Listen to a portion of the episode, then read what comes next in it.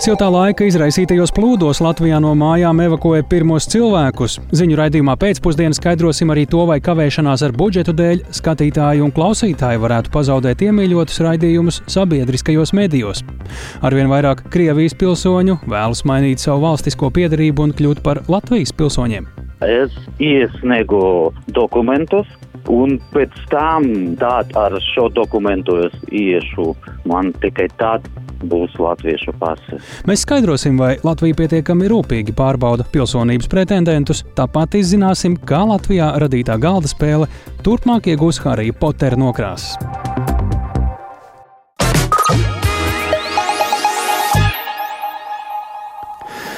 Labdien, pulkstenis ir 16,5 minūtes. Skan pēcpusdienas ziņu programma studijā ar to tālu sēpurs. Sākam ar plūdiem. Šorīt valsts ugunsdzēsības un glābšanas dienests saņēma zvanu no ādažu iedzīvotājiem. Jau otro sezonu pēc kārtas, ceļoties ūdens līmenim Gaujā, aplūdušas vairākas privātmājas.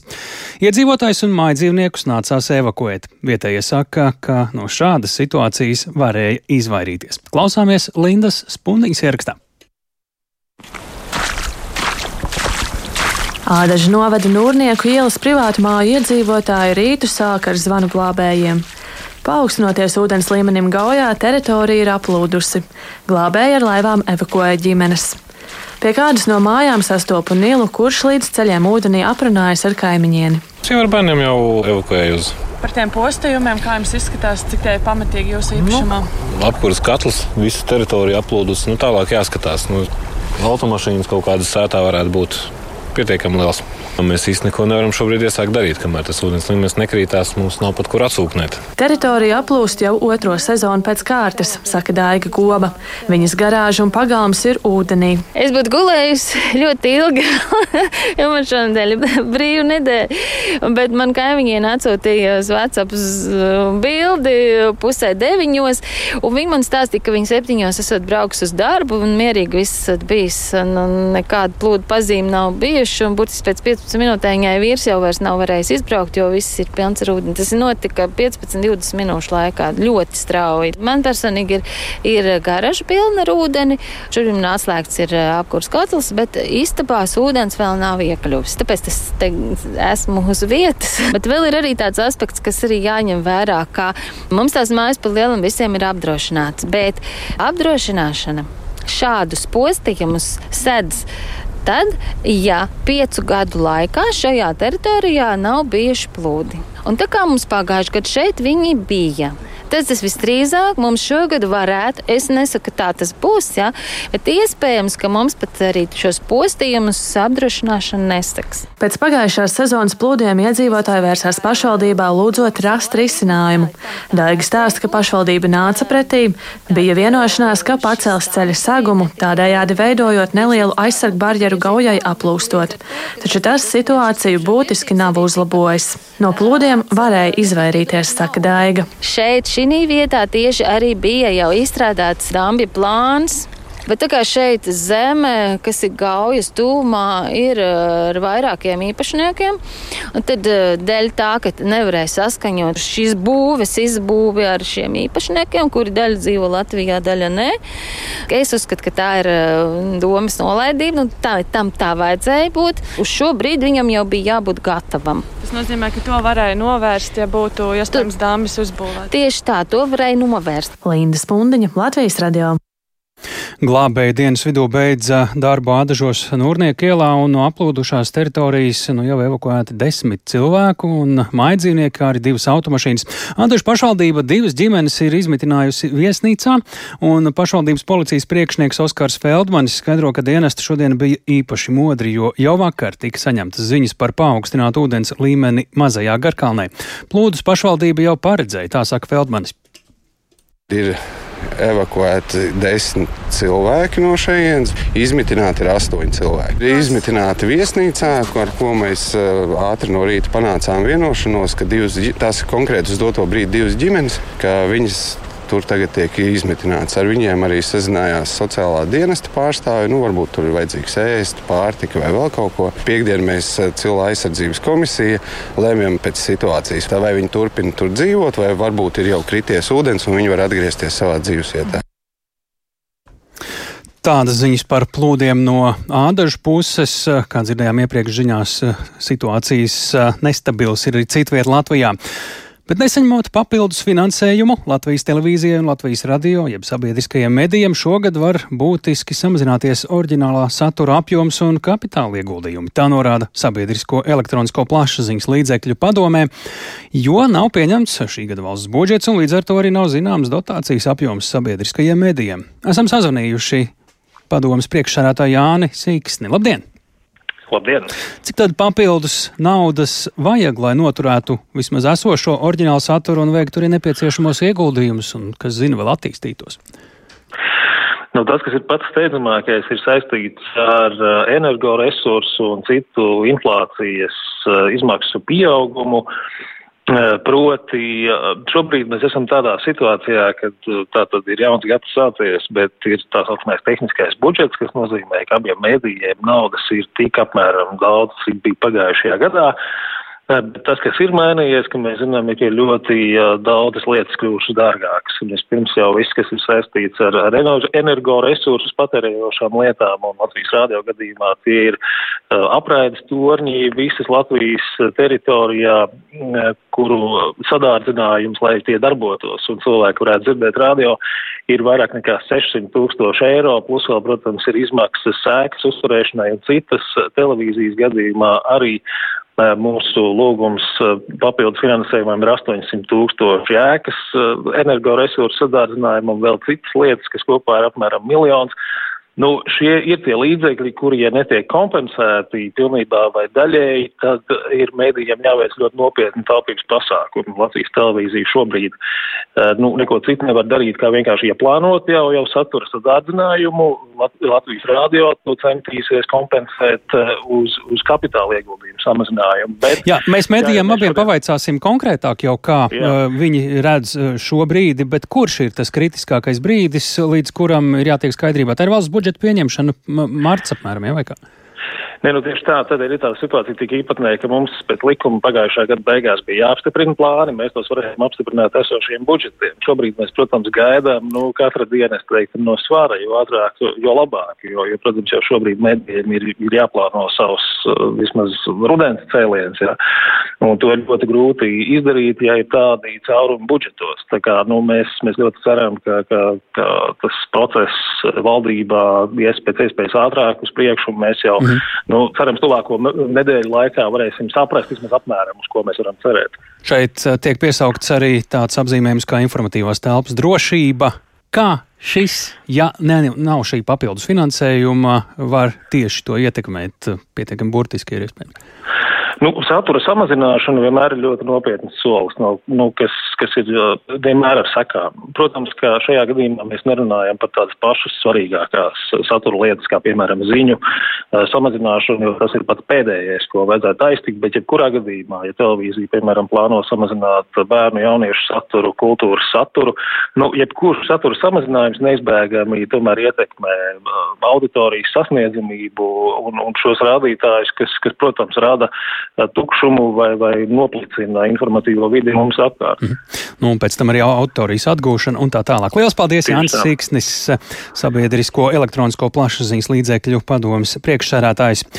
Latvijas radio valdes priekšsērētāja un Klapkalna pievienojas mums studijā. Labdien! Labdien! Kad un vai Latvijas radio un kā varētu ietekmēt iespējamais papildu finansējuma nesaņēmums? Te jau konkrētāk var pieņēmumu līmenī vai jau pat plānu līmenī, uh, ja, jo ir jāplāno vienkārši, ja šādu finansējumu nav papildus. Ar ko klausītājiem un pašam radio jārēķinās? Nu, kā jau Sikšņa kungs pareizi teica, mēs uh, ejam nedaudz citu ceļu. Mēs šobrīd esam faktiski līdz minimumam samazinājuši investīcijas. Kapitāla ieguldījumos plānojam tikai 2,3%. Ja šogad mums bija aptuveni 9% investīcijās, ja pāri miljonam, tad nākamgad mēs varam ļoti nedaudz šim novirzīt. Pēc būtības, ko tas nozīmē, kura darbi netiktu izdarīti? Pēc būtības faktiski nekas no attīstības. Piemēram, uh, piemēram jaun, jaunu studiju remonti nebūs. Uh, faktiski, ko jūs runājāt arī par kritisko infrastruktūru un, un, un IT drošības jautājumiem, tie arī netiek risināti tikai absolūti minimālie iegādes jautājumi, kas varētu būt, nezinu, daži datori vai vēl kaut kas, kas absolūti nepieciešams, bet nekas no tā, kā mēs līdz šim varējām atļauties. Tā kā tās ir tādas konkrētas lietas. Saturs? Mēs arī par saturu mēs esam domājuši šobrīd tādā. Mm, ne uh, raidījuma nosaukuma līmenī, bet vasarā garākas brīvdienas raidījumiem, proti, ordināli raidījumi neskanēs, skanēs šo raidījumu atkārtojumu vasarā, ilgākā periodā no Jāņiem līdz septembrim. Ļoti liela daļa raidījumu šādā režīmā būs.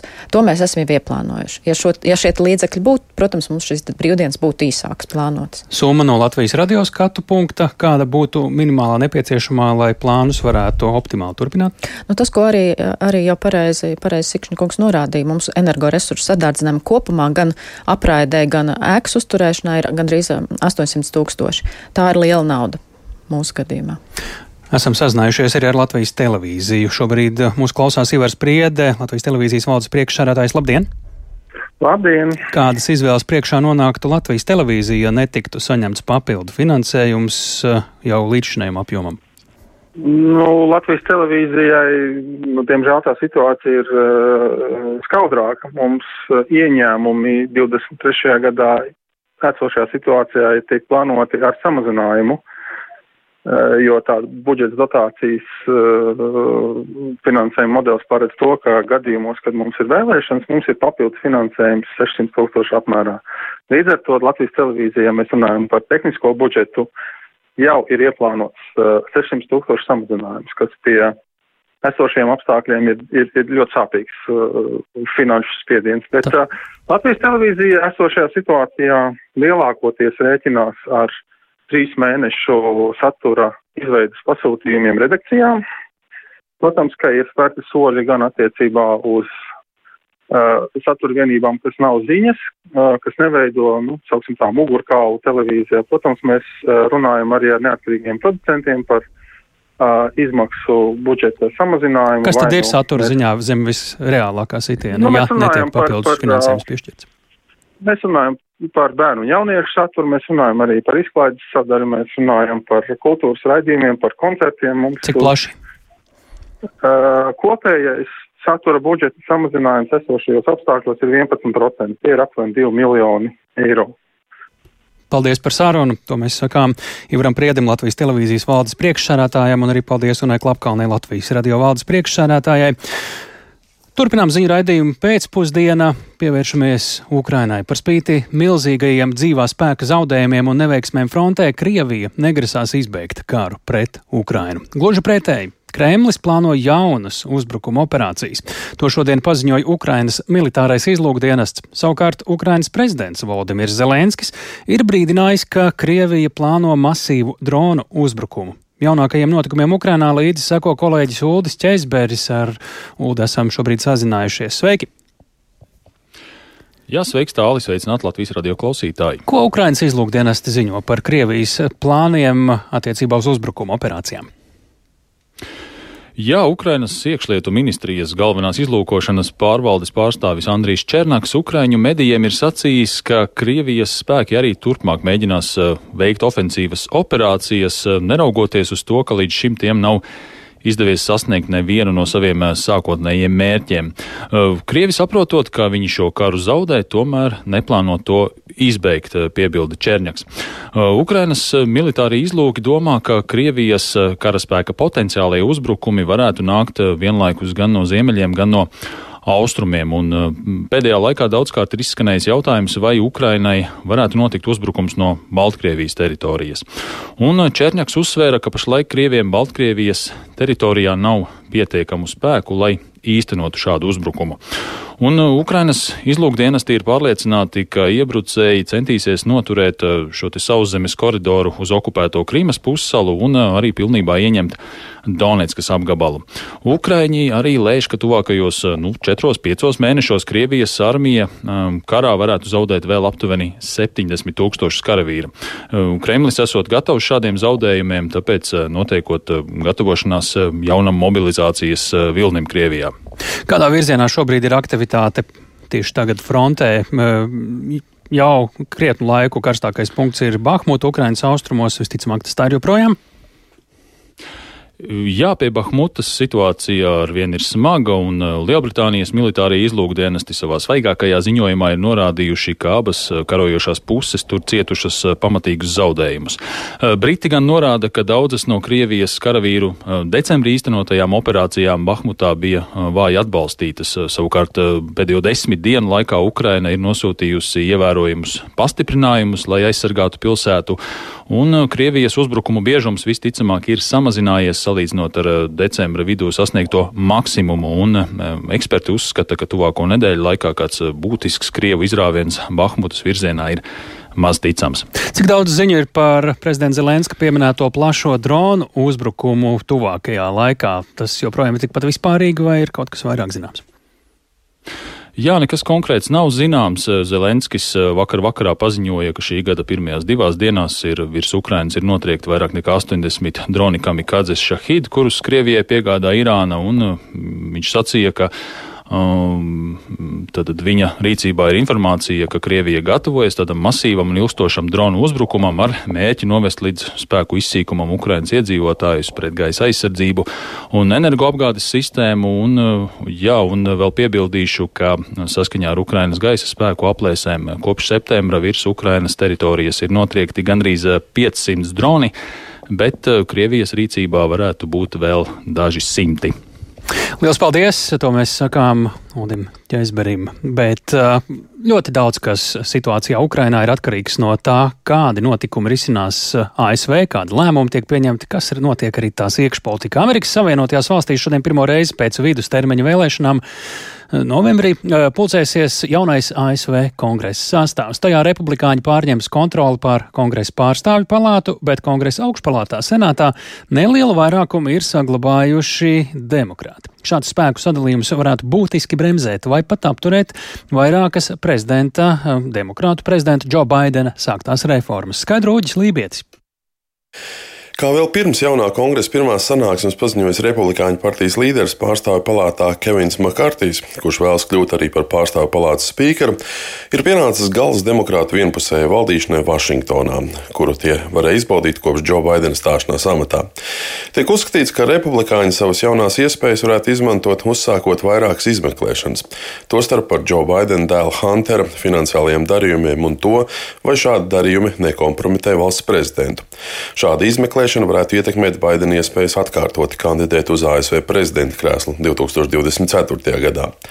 Tāpat tiek prognozēts, ka pārstāvju palātas tieslietu komiteja varētu uzsākt izmeklēšanu par tieslietu departamentu rīcību pārmeklējot bijušā prezidenta Donalda Trumpa prezidents Maralāgo un pārbaudot viņa darbības ar slepeniem dokumentiem.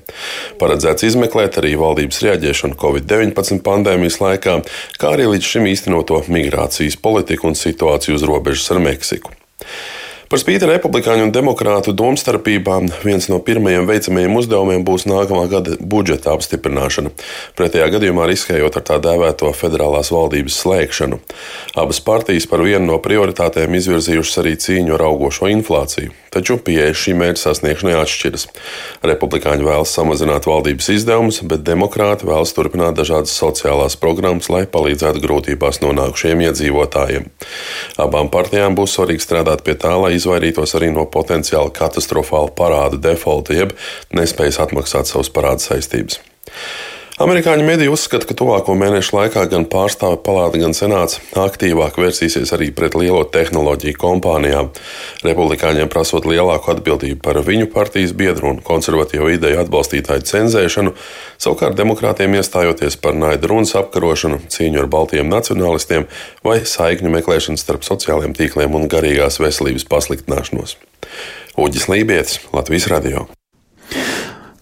Kā var noprast, tad ļoti daudz kas ir atkarīgs no ASV kongresa prezidenta lēmumiem un šīs miedarbības notikumos Ukrainā. Un ārpolitika, protams, ka sākas no iekšpolitikas. Kādas tad būtiskas ASV prezidenta virzītās reformas un plāni šobrīd pašā ASV varētu iestrēgt varas maiņas dēļ un kā tas ietekmēs Ukrainu? Sazinājāmies ar Māri Anģānu ģeopolitisko pētījumu centra direktoru. Kongresa vidustermiņa vēlēšanas nenesa tik liels panākums republikāņiem, kā bija cerēts. Bija liela iespēja, ka viņi pārņems gan um, augšpalātas senātu, gan apakšpalātas kongresa, pārstāvju palātas vadību, bet uh, pārņēma vienu pārstāvju palātas vadību. Līdz ar to nebūs republikāņiem tik liels iespējas kontrolēt darba kārtību, kā bija iecerēts, bet neskatoties uz to, Baidena administrācijas iespējas virzīt cauri savas iniciatīvas būs daudz grūtākas. Tas attiecas ne tikai uz iekšpolitiskiem jautājumiem, bet arī uz ārpolitiskiem jautājumiem. Un to arī Baidens un viņa administrācija gatavojās tam, tāpēc arī mēģināja pirmajā savā prezidentūras pusē pēc iespējas vairāk izdarīt. Kas attiecas uz ārpolitiku, tad tādas krasas izmaiņas droši vien nav gaidāmas, jo arī augšpalāta senāts ir demokrāta partijas kontrolē, bet noteikti, ka arī Ukrainas jautājumā būs grūtāk panākt vienprātību. Jo nu, potenciālais vairākuma līderis pārstāvju palātā Makārtīs jau iepriekš norādījis, norādījis, ka Republikāņu partija pieies skrupulozāk palīdzības sniegšanai Ukrainai. Kā zinām, tā Republikāņu partijā, kura nu, pēdējā laikā ir kļuvusi par Trumpa partiju, Ukraina asociējas ar Baidena dēla Hunter darbībām, kuras arī Republikāņi noteikti mēģinās izmeklēt. Līdz ar to Ukrainai varētu būt nedaudz grūtāk panākt atbalstu militārajai palīdzībai. Skaidrs, ka mūs interesē Ukraina šeit, šajā reģionā visvairāk, bet ASV iekšpolitikā kādas ziņas mēs dzirdēsim? Viens, protams, sākas ieskriešanās nākamajām prezidenta vēlēšanām. Donalds Trumps jau ir paziņojis, ka viņš kandidēs. No šoreiz viņa izredzes dabūt Republikāņu partiju nomināciju nav tik lielas. Ir Floridas gubernators DeSantis, ir diezgan spēcīgs kandidāts. Tāpat arī nav izslēgts, ka iepriekšējais viceprezidents Maiks Pence kandidē un Maiks Pompeo, kurš bija valsts sekretārs. Ar to aizvien vairāk mēs runāsim šeit un komentēsim nākamās ASV prezidenta vēlēšanas. Tās tuvojas ar lieliem soļiem. Bez tam būs arī nu, dažādi notikumi, protams, iekšpolitikā ir diezgan lielas uh, dalījums, ideoloģisks, diezgan izteikts pēdējos gados starp demokrātus un republikāņus atbalstošiem vēlētājiem, tās domstarpības nemazināsies. Republikāņi kopumā ir par minimālu valsti, par maziem nodokļiem, mazām sociālām garantijām, ka katrs ir par sevi pētīja demokrāti, vairāk spiež uz sociālām garantijām, plašākām nu, dažādiem sabiedrības grupām, tāpat arī uz nu, atbalstu dažādām minoritātēm. Par seksuālajām minoritātēm, gan arī par imigrantiem. Nu, Republikāņi, protams, ir kopumā daudz negatīvāk noskaņoti par imigrāciju un par tā sauktiem LGBTI jautājumiem. Lūk, tā ģeopolitisko pētījumu centra direktors Māris Anžāns par uh, šodienas uh, vienu no notikumiem uh, Amerikas Savienotajās valstīs uz pirmo kopsēdu pulcējas jaunais kongresa sastāvs. Bet pēc brītiņa raidījumā pēcpusdienu dzirdēsit par šādiem tematiem. Audis pieprasījums pēc Latvijas pilsonības no līdzšinējiem Krievijas pilsoņiem, vai viņu pārbaudas ir pietiekamas. Tāpat Latvijas galda spēļu veidotāji vienojas ar ASV lielo kompāniju Warner Brothers par galda spēles izstrādi Harry Potter. Potter tematikā.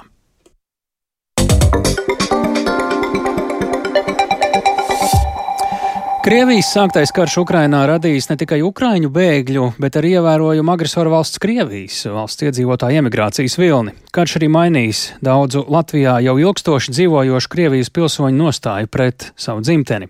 Vai ir palielinājusies viņu vēlme iegūt Latvijas pilsonību un kā to var paveikt, interesējās Ieva Puķa.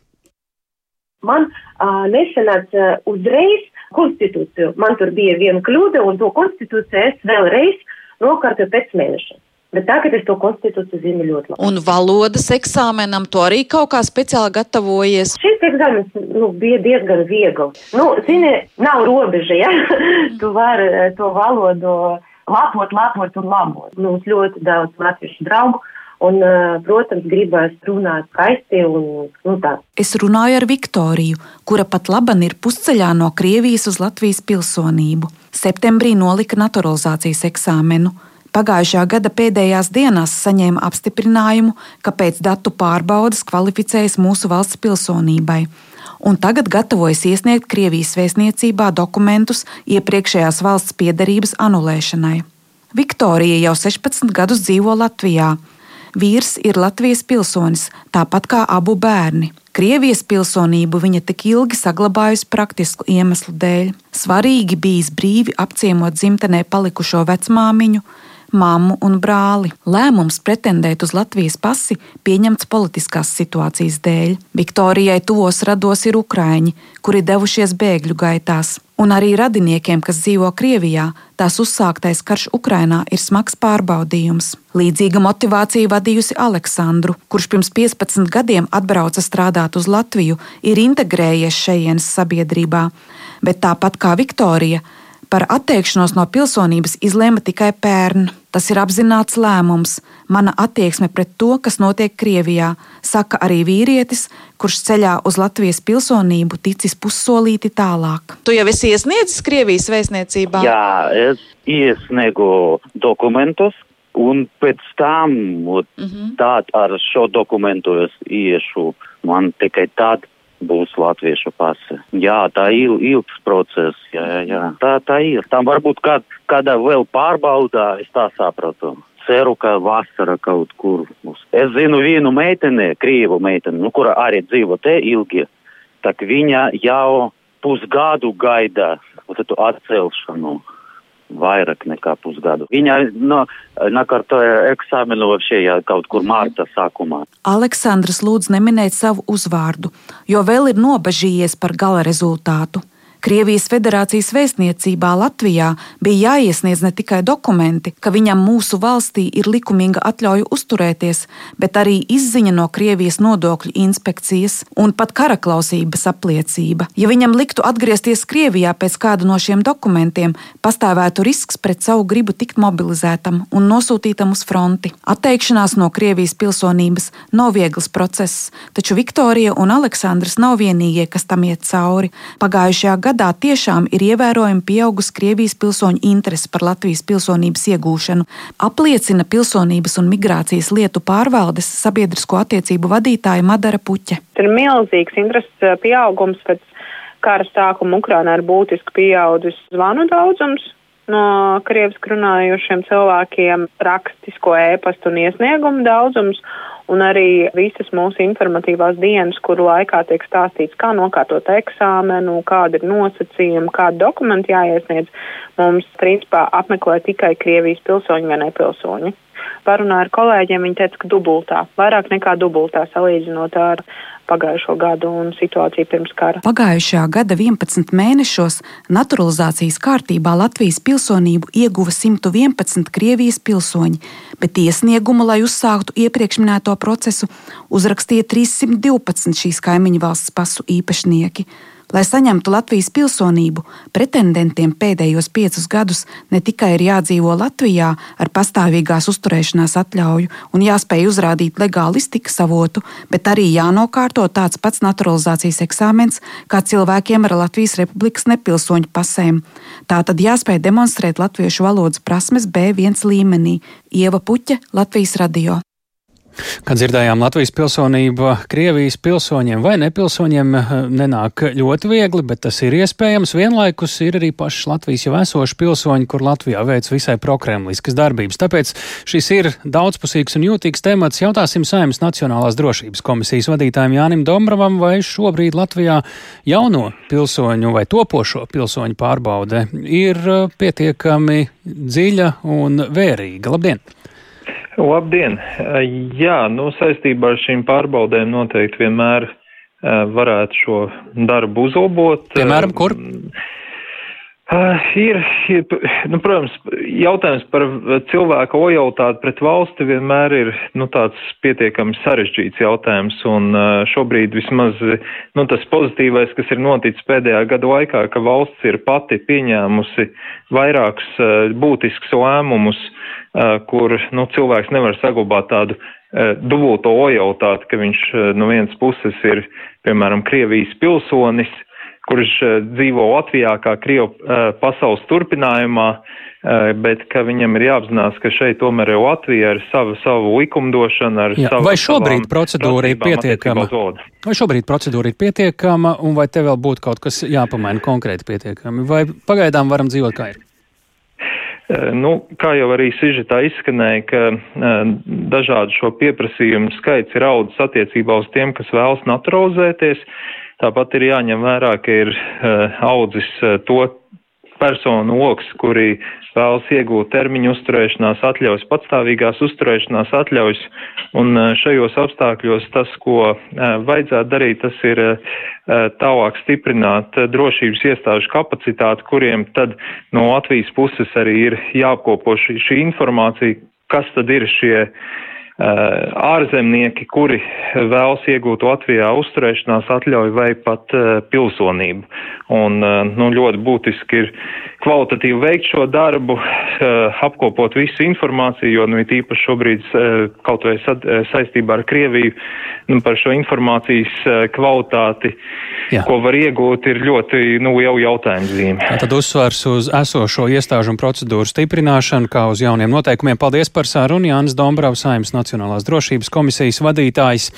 Ja reiz par vienu iestāžu stiprināšanu, tad Latvijā arī jaunas iestādes tiek veidotas. Jaunizveidotajā klimata un enerģētikas ministrijā aizvadīta pirmā darba diena. Darbs departamentos, kas pārņemti no citām ministrijām, gan šobrīd turpinās kā ierasts.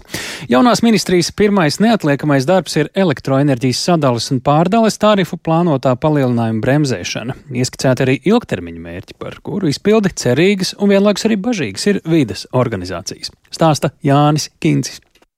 Klimata un enerģētikas ministru Raimondu Čudaru no jaunās vienotības sastopa ēkā, kur izvietots vides aizsardzības un reģionālās attīstības ministrijas klimata pārmaiņu departaments. Mantu pārvietošanas kņadas tur nav, jo departaments strādā turpat, kur iepriekš. Tāpat kā jaunajā ministrijā iekļautie par enerģētikas jomu atbildīgie departamenti. Aizvadīta pirmā oficiālā darba diena, taču viss sācies jau decembra vidū kopš valdības lēmuma par ministrijas izveidi. Ieskriešanās laika jaunveidotajai ministrijai nav. Līdz tās izveidē pirmais uzdevums uzdevums bijis pārskatīt tarifu noteikšanas principus, lai nepieļautu elektrības sadales un pārdales tarifu būtisku kāpumu. Tas paredzams uz pusi mazāks nekā sākotnēji plānots, sola ministrs Raimons Čudars. Tāda iespēja uz to, ka tarifi būs mazāki, mums ir. Jāatzīst, gan, kad ir objektīvi apstākļi, kas saistīti ar lielāko tarifu sadārdzinājumu daļu, tā ir elektroenerģijas cena. Nu, tā ir lieta, no kā mēs izvairīties nevaram. Tāpat laikā ir tautsājumniecības konkurētspējas jautājums. Un, protams, arī maisaimniecība maksātspējas jautājums. Šo tarifu pārskatīšanu uzskatām norāda, ka jaunajai ministrijai jau šogad būtu jāpiedāvā līdzsvarots modelis, kā pārdalīt tīkla infrastruktūras izmantošanas izmaksas par labu elektroenerģijas ražotājiem. Tajā skaitā arī maisaimniecībām, saules paneļu izmantotājām. To pamato Latvijas elektroenerģētiķu un energobūvnieku asociācijas valdes izpildirektors Gunārs Valdmanis pie esošās tīkla struktūras, izmaksu struktūras, šie lietotāji tomēr zināmā mērā ietekmē tīkla lietošanas izmaksas visiem pārējiem lietotājiem. Kas ir saistīts ar faktu, ka pietiekami būtiska daļa no ieņēmumiem veidojas no faktiski uzskaitītās enerģijas tīklā un attiecīgi pieslēgumu punkti, kuru eksploatācijas izmaksas būtiski nemainās, tomēr tīkla operatoram sniedz šobrīd jau zemākus ieņēmumus, kas nozīmē, ka kopējās šīs izmaksas smagāk arī gulstās uz pārējiem lietotājiem. Valdmaņa ieskatā klimata un enerģētikas ministrijas nākamais uzdevums ir pilnveidot normatīvos aktus, lai novērstu tiesisko nenoteiktību investoriem, īpaši elektroenerģijas ražotņu attīstībā. Tas saskan arī ar ministra nosaukto vienu no galvenajiem strateģiskajiem mērķiem - būtiski paplašināt atjaunojamās enerģijas ražošanu Latvijā. Tas būtiskais uzdevums, un pēc kā arī varētu vērtēt mūsu efektivitāti, ir šīs daļas būtisks pieaugums kas ļautu tieši pie mums Latvijā elektroenerģiju saražot vairāk nekā līdz šim, un faktiski kļūt arī par elektroenerģijas tādu pastāvīgu eksportētāju valsti. Tas potenciāls, ko sniedz mums Baltijas jūra, ir ļoti liels. Izveidojot šo ministriju, ir dots signāls, ka Latvija nekavēsies ar klimata neutralitātes mērķu sasniegšanu. Tas pozitīvi. Tomēr bažas par to izpildu rada vides funkciju saglabāšana citā ministrijā, vērtē Latvijas dabas fonda politikas koordinātore Baiva Baltvilka. Mums dabas organizācija diskusijām bažas rada tas, ka šai ministrijai netiks pievienoti vidas aizsardzības un dabas aizsardzības departamenti no varam. Mūsuprāt, šāds dalījums ir neloģisks un tas potenciāli var nelabvēlīgi ietekmēt citu zaļā kursa mērķu sasniegšanu, proti aprits, ekonomikas un dabas aizsardzības mērķus. Šajā gadā būs jāpilnveido Nacionālais enerģētikas un klimata plāns 2021. līdz 2030. gadam. Tajā vajadzētu iedzīvināt arī oglekļa izmešu samazināšanas mērķus tuvākajiem gadiem, norāda biedrības Zaļā brīvība vadītājs Jānis Brisga. Tas nevarēšot notikt bez spējas sarunāties ar daudzu citu nozaru pārstāvjiem, kas būs viens no jaunā ministra uzdevumiem. Politikas integrācija, tas vienmēr ir bijis valdībā izaicinājums Latvijā, tāpēc, ka Katra ministrija ir savas partijas eh, paspārnē, un eh, vienmēr ir bijusi tā pieeja, nejaucieties mūsu lauciņā, dariet savu darbu, bet daudzos jautājumos tieši attiecībā uz vidu, uz klimatu, tu jau nevari tikai strādāt tajā savā klimata departamentā. Tie tieši ir jāstrādā ar citu nozaru pārstāvjiem, gan rūpniecībā, enerģētikā, gan lauksainiecībā, transportā un tā tālāk. Ar laiku klimata un enerģētikas ministrija no finanšu ministrijas pārņems elektrības pārvades sistēmas operatoru augstsprieguma tīkls, mazinot struktūras sadrumstalotību. Par to jau lemts, izveidojot šo ministriju. Vispirms gan vēl pabeidzams ar ministrijas izveidi saistītās formalitātes, piemēram, mantu un citu saistību pārņemšana. Savukārt ministrijā apvienotie departamenti vienu vietu sāks strādāt vēlāk pavasarī. Tam esošā budžeta ietvaros sagatavos varam rīcībā esošas telpas ēkā Doma laukumā. Jānis Kincis, Latvijas radio. Par vēl kādu jaunumu, kurš uh, ieviesis no šī gada Rīgā, ievies turismu nodevu visām turistu mītnēm. Par katru viesi jāmaksā 1 eiro par nakšņošanas dienu, bet ne vairāk kā 10 eiro kopā. Viesnīca atzīst, ka turisma nodeva ir nepieciešama, bet Agnija Lazdiņa kolēģi skaidro, kā rit jaunās nodevas iekasēšana. Apmeklējot vairākas Rīgas viesnīcas, var novērot, ka tās veiksmīgi šodien ir uzsākušas savu darbu un raiti apkalpo turistus jau savos darba pienākumos, iekļaujot turisma nodevas ievākšanu. Uzrunājot viesnīcu personāla daļas cilvēkus, visi atzīst, ka turisma nodeva ir ļoti labs un vajadzīgs rīks, un lai gan viņi vēl apgūst, kad un kā pareizi nodeva ir jāievāc, tomēr process norit raiti. Kā stāsta Rīga Islanda hotela vadītājs Andris Kalniņš, viesnīcas personālam tas ir papildus sloks un paies laiks, līdz pieradīs pie nodevas sistēmas. Teiksim, personīgi es biju par to, ka šāda turisma nodeva vispār ir vajadzīga mūsu pilsētā, jo tā, tā nauda tiks novirzīta turisma infrastruktūras teiksim, uzlabošanai, attīstīšanai. Tā kā diezgan pozitīvi, diemžēl vienīgais tas, ka diezgan haotiski sanāk, jo ir ļoti liels neskaidrības, teiksim, kam tās piemērojās, kam nepiemērojās, bet tā pa lielam neredzam nekādu problēmu tajā visā pasākumā. Arī Latvijas radio uzrunātie turisti atbalsta nodevas ieviešanu, jo tāda ir daudzās valstīs. Tostarp summa ir ļoti niecīga. Well, it, yeah. Es neesmu pret to. Jā, ja šo naudu izmanto, lai uzturētu valsti un tās turismu, tad es varu to saprast. Sure, so. yeah. Turklāt Covid-19 pandēmija finansiāli ļoti iegrieza. Latvijas viesnīcu un restorānu asociācijas izpildu direktore Santa Graigsta stāsta, ka tehniski visas problēmas laika gaitā tiks atrisinātas un sistēma veiksmīgi darbosies. Tomēr šobrīd ir sarežģījumi ar trešajām pusēm, proti tiešsaistes ceļojumu aģentūrām. Tas ir tas, ka mūsu likumdošanā nav ierakstīts, ka šīs nodevas nevar aplikt ar komisijas maksu. Tā rezultātā mums šobrīd veidojas situācija, ka visticamāk to darīs visas online ceļojuma aģentūras. Tātad šī nodeva tiks aplikta ar komisijas maksu. Tas līdz ar to tas to pakalpojumu sadārcinās. Greigs tagad norāda, ka ceturtdien tiek plānota tikšanās ar Rīgas domas priekšsēdētāju, lai kopīgi atrastu risinājumu problēmai, piemēram, veikt izmaiņas likumdošanā. Agnija Lazdiņa, Latvijas radio. Bet Latvijas galda spēļu radītājs un tirgotājs Brain Games ir viesno, vienojies ar ASV izklaides kompāniju Milzi Warner Brothers par galda spēles izstrādi Harry Potter filmu tematikā. Esam sazinājušies ar Brain Games pārstāvi Egilu Grasmani, šīs uh, uzņēmuma vadītājs un īpašnieks. Labdien! Labdien, labdien! Ko nozīmē šī sadarbība ar Warner Brothers? Iniciatīva no jums nāca?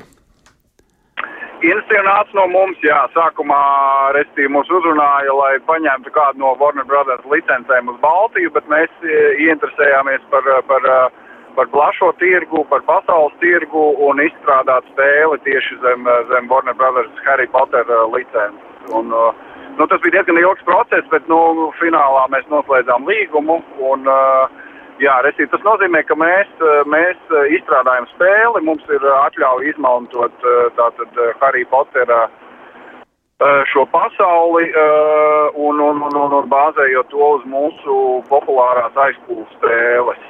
Tātad, nu, šo, un šogad šis produkts nāks klajā aptuveni gada vidū vai gada otrajā pusē. Tātad, jā, nu, vairāk detaļas, diemžēl, mēs arī lī, līguma dēļ nedrīkstam jā. atklāt un nedrīkstam neko rādīt, bet, bet jā, tāds Redzēsim. Pavisam īsi, kādu vietu jūs redzat, jo mēs paskatījāmies, ir desmitiem Harry Pottera galda spēļu jau pasaulē. Jā, nu mūsu skatījumā un arī mūsu starptautisko partneru skatījumā šis produkts varētu būt nu, īpaši populārs, jo aizskūla ir uh, viena no pasaules apbalvotākajām Jā. bērnu spēlēm, un Harry Potter ir viena no zināmākajām nu, tādiem zīmoliem arī bērniem. Tā kā šo abu Labi. zīmolu kombināciju mēs redzam diezgan jā, Paldies. Paldies Egilam Grāsmanim, Sijā Brengēmas vadītājiem un īpašniekam. Šis bija ziņu raidījums pēcpusdienu. To veidoja Kārlis Dagils, Mārtiņš Paeglis, Katrīna Bramberga un uh, studijā bija Tāls Eipurs. Yeah.